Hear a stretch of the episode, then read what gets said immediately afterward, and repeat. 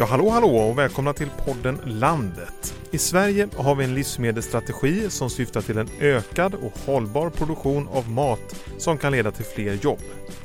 Det handlar om en hållbar tillväxt i hela landet och man vill också ge konsumenter bättre förutsättningar till att göra medvetna val. Men hur når vi dit? Precis nu i dagarna har det släppts ett nytt förslag på en handlingsplan för livsmedelsstrategin och den ska vi sätta tänderna i nu. Man vill prioritera forskning och innovation, öka digitaliseringen och skapa en samordnande myndighet.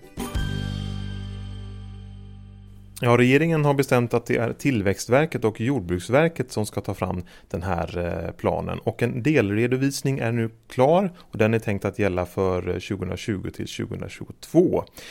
Och med mig har jag representanter för eh, båda verken och på min eh, vänstra sida här så har vi, ja vad heter du? Anna Wikström och jag är projektledare här på Tillväxtverket. Och jag heter Andreas Stavelid och är projektledare från Jordbruksverket. Bra, då har vi våra gäster eh, på plats och ni är precis klara med den här delredovisningen eller rapporten som jag kallar den för, handlingsplanen. Och många av våra lyssnare är nyfikna på eh, vad som händer på detta område. Kan ehm, ni ge oss en bild på vad som är med i, i rapporten? Ja, vi lägger ett stort fokus på åtgärder inom det strategiska området kunskap och innovation och det handlar mycket om forskningssatsningar på forskning som är företagsnära och där eh, företagen i hela kedjan, det vill säga lantbrukare, Eh, fiskeriföretagare, livsmedelsindustri, eh, detaljhandel, besöksnäring med tillsammans och forma kraven för forskningen. Vi tycker också att det behövs satsningar på innovation och smörja innovationssystemet så att det kommer, händer ännu mer när det gäller innovationen ute i företagen inom livsmedelssektorn. En annan sak vi lyfter i rapporten det är ju att de här stora programmen, till exempel landsbygdsprogrammet men även Europeiska havs och fiskeriprogrammet ska på ett tydligt sätt fokusera på livsmedelsstrategin. Vi pratar också, eller skriver också i rapporten om vikten av det regionala arbetet och att det satsas resurser regionalt. Men också att det sker en samordning av de här resurserna som kommer från olika källor regionalt så man får hitta synergier så man får större effekt för pengarna. Jag vet inte om du vill fylla i någonting där Anna? Jag tänker just företagsperspektivet och ja. regelförenkling ja. är också viktiga frågor. För det är ju företaget som ska se till att det blir action och det är, där, det är ju där förändringen sker. Ja. Så det tycker vi är viktigt och det vill vi lyfta också att myndigheterna i sitt arbete ska ha det som ett fokus framöver. Företagsperspektiv och arbeta också främjande. Och kunskap och innovation, varför är det så viktigt eh, tänker ni? Alltså kompetensfrågorna är ju jätteviktiga och har lyfts av alla branschorganisationer och eh, av många av de inspel vi har fått in också. Och även behovsanalysen som vi ska ta fram åtgärder mot eh, lyfter ju just den frågan. Behov av kunskap och innovation och det är ju det som kan ge en utveckling på lång sikt helt enkelt framöver i sektorn. Ja. Jag vet inte om Andreas vill fylla på det. Ja, vi kan säga att, man, att höja, det behöver, produktiviteten behöver höjas i, i, i, i livsmedelssektorn. Inte minst i de, det, det vi brukar kalla primärproduktionen. Vi menar alltså jordbruk, yrkesfiske, eh, vattenbrukare och i livsmedelsindustrin. Men också att det behövs ytterligare förädlingsgrad att företagen inom sektorn kan få bättre betalt för sina produkter. Det kan handla om att man istället för att man säljer spannmålen eller alltså säden som den ser ut så gör man bröd av den eller kanske bakar brödet som surdegsbröd och kan få ett högre värde av den. Eller att man kan ladda produkterna med andra värden, till exempel att det här är en närproducerad produkt. Eller att man kanske gör innovativa produkter. Ja, in, in, in, inte minst. Ja, och det, och det, och tror jag också... det är det som också den här satsningen som ja. vi ser framför oss. Ja. Att man ska kunna få fram mer innovativa ja. lösningar inom livsmedelskedjan som helhet. Och, och, då behövs det samverkan mellan alla företag. Det gäller ju både primärproduktion och industri men också andra delar. Vad kan det vara för innovativa lösningar? Ja, vi, vi, vi pratar, vi nämner det här framtidens mat och en och det är ju en, en, fråga, vad kommer det bli? Och det, det, är kanske inte myndigheternas roll att, eller det är kanske inte det som vi kan, utan det är det som händer ute i universiteten, ute i företagen, ute bland rådgivare och så vidare att fundera på detta. Vad, vad, vad kan man producera framåt som är hållbart, miljömässigt, klimatvänligt men ändå ger lönsamhet till hela livsmedelskedjan? Det är ju så, det finns ju studier som visar att en hög innovationsgrad också är kopplat till hög export. Så att där är det så att man får upp innovationsgraden inom sektorn och får fram mer innovativa tjänster och varor och produkter så leder det också till ökad export. Det har vi gjort en studie som har visat på. Så inte minst därför är det också viktigt med innovation och eh, vid utveckling inom det området. Sen tänker jag så här, ehm, vad är de största skillnaderna jämfört med den eh, förra handlingsplanen i det här nya förslaget? Ja, det är just att vi fokuserar så tydligt på forskning och innovation och kompetenshöjande insatser. Men sen lyfter vi också det här behovet av samverkan och starkt genomförande av strategin. Det behövs ett uppdrag till en samordnande myndighet som håller ihop arbetet. Mm. Och, och, en samordnande myndighet, vilken myndighet ska det vara tänker ni?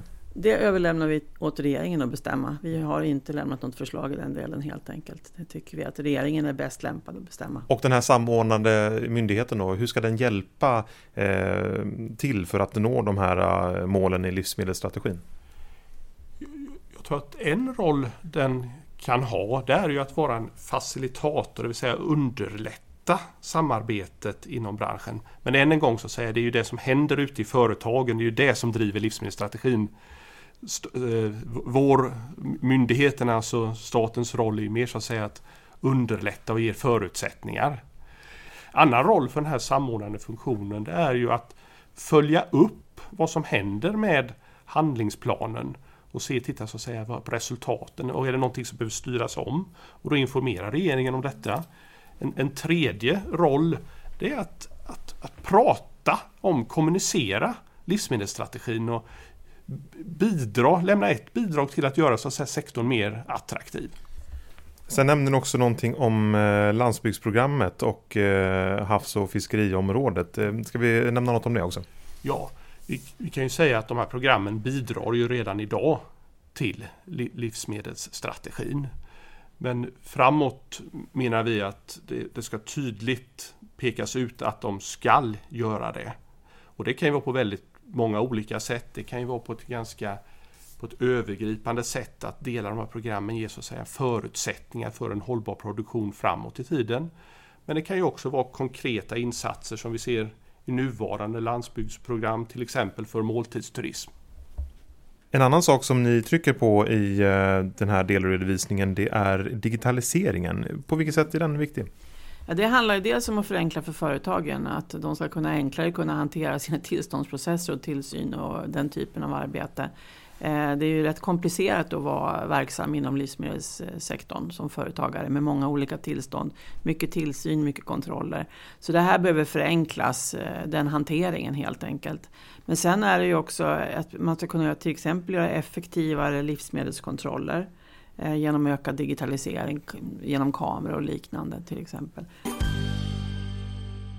Ett annat område som jag inte ska säga är nytt men vi tycker att man ska fortsatt eh, jobba med det, det handlar om export. Eh, I den dialogen vi har haft med representanter för exporterande företag, med andra myndigheter och så vidare så har det framkommit att de exportsatsningar som finns i nuvarande handlingsplanen är man i stort sett nöjd med. Det är, vissa saker behöver utvecklas men framförallt har man tryckt på kontinuiteten, att man jobbar med export, att man är uthållig. Vad vi däremot eh, har föreslagit som en, en, en, ny del i detta det är att eh, Business Sweden har idag livsmedelsansvariga på ett antal tillväxtmarknader.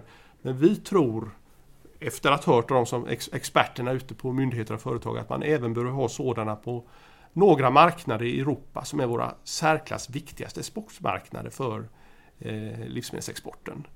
Eh, och livsmedelsexport är ju viktigt av flera olika skäl. Att det gör ju att de svenska företagen får ju en större marknad att sälja sina produkter. Man kan då eh, ha, ha eh, stordriftsfördelar. Men export verkar också ofta kunna driva att produktionen hemma blir effektivare. Jag är nyfiken på hur man gör en sån här eh, plan. Eh, vad, vad hämtar man liksom inputen någonstans? Vilka pratar man med? Ja, vi har ju lagt upp det som ett vanligt utredningsarbete som man brukar göra när man jobbar i utredningar. Vi har haft en bred och lång dialog med säkert ett 40-tal olika dialogmöten med frivilligorganisationer, med branschorganisationer, med företag och med myndigheter. Och vi har också haft utpekade särskilda samrådsmyndigheter som vi har jobbat med. Och sen så har vi begärt in inspel, de som velat vara med och bidra. Och vi har fått in eh, kanske 60 olika inspel ungefär med, med förslag till åtgärder och viktiga prioriterade frågor. Och sen så har vi förstås vår behovsanalys som vi har gjort. Den har Andreas och hans kollegor hållit ihop mest på mm. Jordbruksverket. Eh, som visar på behoven inom sektorn. Och, och eh, sammantaget då så har vi mejslat fram åtgärder kring eh, vad vi såg framför oss behövdes framöver helt enkelt. Det regionala perspektivet är ju jätteviktigt här. Mycket av arbetet sker ute i regionerna och alla landets län har ju, regioner har ju också regionala livsmedelsstrategier som i sig hör ihop med den nationella och kan stärka genomförandet av den. Så regionerna har en otroligt viktig roll och därför föreslår vi också i handlingsplanen att medel ska kunna anvisas till regional samordning och stärka det regionala arbetet. Om man är en småskalig eh, företagare på eh, någon av landsbygderna i eh, Sverige idag hur hjälper eh, det här förslaget till handlingsplanen eh, dem? Jag ser framför mig till exempel att eh, de skulle kunna söka utvecklingscheckar för affärsutveckling. Och utvecklingscheckar? Ja, det är alltså ett särskilt program som i alla fall vi på Tillväxtverket arbetar med. Som där små och medelstora företag kan söka bidrag för att utveckla mm. sin verksamhet. Det kan handla om att öka digitalisering eller det kan handla om att göra en en plan för utveckling överhuvudtaget. Det är en sån åtgärd man kan göra. Vi har rådgivning. Ja, in, in, inte minst rådgivning. Att stötta företag i affärsutveckling eller helhetsrådgivning. Och sen eh, tror jag även de här förslagen vi har om att ha ett, myndigheterna ska ha ett företagsperspektiv och att man ska jobba med förenklingar kan stö, eh, underlätta för den här företagaren. En sak vi nämner specifikt är något som heter branschglidning. Det är ju så att du kanske från början har varit en jordbrukare som, säger att du har varit mjölkproducent. Då är det så att säga det regelverket som mm. du behöver ta hänsyn till. Men sen funderar du på att jag ska vidareutveckla min verksamhet och börja med glasstillverkning. Då, då är det ytterligare regelverk du behöver förhålla dig till. Och myndigheter. Och myndigheter, och myndigheter. precis. Och tredje, du kanske då i samband med detta också vill ha ett bed and breakfast och lite övernattning och då är det ytterligare regelverk som kan göra din situation ganska komplicerad. Och det här tycker vi att man ska titta lite vidare i, eh, titta lite mer på framöver. Och liksom förenkla den omställningen då eller och hoppa mellan olika verksamheter och, och regler? Jag tänker att i första hand handlar det om hur myndigheterna arbetar här. Och vi behöver också göra en regelanalys. Alltså det behövs utredas hur reglerna samverkar eller i värsta fall motverkar varandra. Eh, det finns lite för dåligt underlag tror jag här helt enkelt. Det är en fråga som har lyfts. Mm. Så att det finns mycket att göra här. Den här branschglidningen är ju en trend som är inom sektorn just nu. Så att eh, det är någonting som man behöver plocka upp och hantera. Ja, du lyssnar på podden Landet och i det här avsnittet så samtalar vi om den rykande färska handlingsplanen till livsmedelsstrategi som vi har på vårt bord här. Det är ju Tillväxtverket och Jordbruksverket som har tagit fram den och den nationella livsmedelsstrategin som finns den tar sikte mot år 2030. Anna Wikström på Tillväxtverket, en av gästerna här idag. Vad finns det för förslag som gör att arbetet med att nå målen i strategin nu tar fart på riktigt? Jag skulle säga att framförallt satsningarna inom forskning och innovation mm. och kompetenshöjande åtgärder, det är ju en jätteviktig fråga för som alla gemensamt inom sektorn, såväl företag, organisationer som myndigheter har lyft fram. Så där har vi ju, föreslår vi en rejäl satsning helt enkelt på det.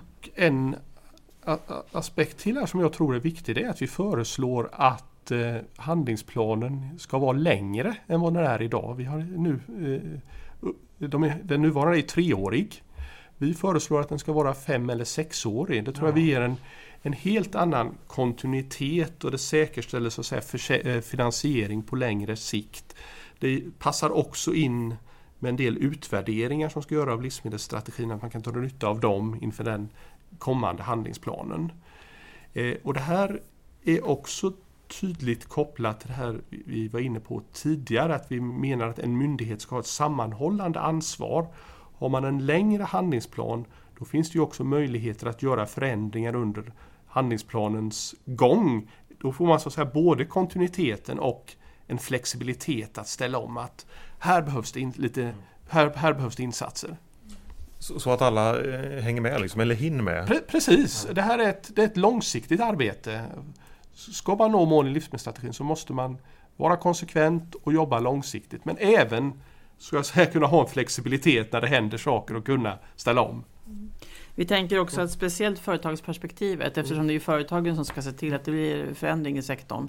Det är inte myndigheterna i första hand. Myndigheterna ska jobba med att smörja systemet och ge bra förutsättningar. Men företagsperspektivet i myndigheternas tillämpning behöver stärkas rejält. Men jag, jag, tänker också där om, om, det, om det är en längre tidshorisont eh, på eh, strategin. Blir det inte svårare då att eh, ändra den, uppdatera den? Det är det som är meningen med det här. Vi föreslår att det ska vara ett uppdrag till en samordnande myndighet och att mm. den ska kunna föreslå justeringar i handlingsplanen. Mm. Så det, det, är en av finesserna med den här förlängningen och en mer regelbunden utvärdering och uppföljning varje år. Så, och vi tänker också att man ska reservera medel då till det, att det ska finnas möjligheter att justera handlingsplanen. Så det är en styrka och den har vi föreslagit här, precis det du sätter tummen på där. Och Anna, är det inte så också att i andra sektorer när man jobbar med den här typen av handlingsplaner så är de ofta längre än tre år? Ja, det är de ju, ja. det är de ju ofta. Så är det, det stämmer. I livsmedelsstrategin som ligger fast så kan man läsa att det finns en trend som pekar på en minskad livsmedelsproduktion i Sverige och att man ska vända på den trenden. Samtidigt så ska vi ju rädda planeten eh, och eh, med minskade klimatutsläpp. Jag, jag tycker det här är någon slags knäckfråga det här, en liten eh, kontrast, en liten motsats. Är det någonting som ni har tänkt på när ni har tagit fram den här planen? Jag skulle säga att vi har tänkt på det här mycket. Och det är ju viktigt att de satsningar som görs är hållbara. Och man ska veta att den svenska livsmedelsproduktionen i ett internationellt perspektiv är miljövänlig och klimatvänlig. Det betyder inte att vi inte måste göra mycket här också, det behöver vi göra. Men ofta är det som produceras i Sverige har mindre utsläpp än det som produceras i många andra länder. Och en orsak till det är ju att, eh, att eh, man är relativt effektiv här. Det behövs, det behövs inte lika mycket resurser. Ett exempel är ju att en ko i Sverige ger väldigt mycket mjölk per år jämfört med en ko i ett annat land. Mm. Detta är ju en delredovisning som ni ska lämna in. Slutrapporten sker först i juni. Finns det möjlighet att komma med synpunkter och, och input? Alltså jag tycker det finns en väldigt bra grund här eftersom just det är en sån bred, bred politisk enighet. Jag har jobbat inom andra branscher tidigare och det här är rätt unikt på det sättet. Det brukar vara betydligt mera eh, motstående politiska intressen än det här. Och det tycker jag bäddar för god chans att det ska bli bra genomförande framöver. Nej, och den behovsanalys vi har gjort och där väger bland annat en Eh, en uppföljning och utvärdering av livsmedelsstrategin som Jordbruksverket har gjort väldigt tungt. Den visar ju också väldigt tydligt på att det är de här satsningarna för att öka kompetensen, öka kunskapen, öka innovationsgraden som är centrala för att kunna nå målen då i strategin. I det här samtalet så har vi pratat mycket om kunskap och innovation, att det är viktiga grejer och det är det som ni trycker på bland annat i eh, den här handlingsplanen. Om ni får drömma liksom tio år framåt här eh, med kunskap och innovation och med livsmedelsstrategin i, i bakhuvudet så att säga. Hur ser visionen ut då? Vi börjar med dig Anna. Ja, eh, Tillväxtverket har låtit göra en studie som visar att vi i Sverige ligger på 14 plats vad det gäller innovationsranking i livsmedelssektorn och där ska vi upp på pallplats, nummer ett, två eller tre. Så är det, helst ett förstås. Och det behövs ju stora satsningar, dels eh, eh, från företagen. De behöver eh, satsa mer pengar på forskning och innovation. Men också framförallt från den kommande forskningspropositionen som kommer 2020 är planerat. Och sen så har ju vi också våra åtgärder här där vi också lyfter pengar till forskning. Så att gemensamt behöver alla inom sektorn satsa framåt. Och förhoppningsvis så har vi då en bättre pallplats om tio år, mera forskning innovation, mera export, högre, högre lönsamhet, mm. bättre kompetens bland de som jobbar med livsmedel. Och Andreas, du får också drömma här tio år framåt. Ja, och då vill jag se en betydligt bättre lönsamhet i sektorn. Och det grundar sig till stor del i det här med, som vi har pratat om, vi återkommer till hela tiden, med forskning, innovation och kompetens. Men det gäller ju att det här omsätts i företagen och att föret, det är ju sen i själva företagen så att säga, som innovationen sker och värdena skapas. Jag tycker så här, vi träffas här i samma rum på Tillväxtverket eh, om tio år igen och ser hur det har gått. tack så mycket för idag. Du är välkommen! Tack! tack, tack! Andreas Davelid från Jordbruksverket och Anna Vikander från Tillväxtverket. Ja, det var våra samtalsgäster den här gången. Och om man vill fördjupa sig i innovation och utveckling som vi har pratat om i detta avsnitt, ja då kan man hitta mer snack i ämnet på landsbygdsnatverket.se. Där finns det en jättebra sökfunktion om man vill botanisera i tidigare poddavsnitt.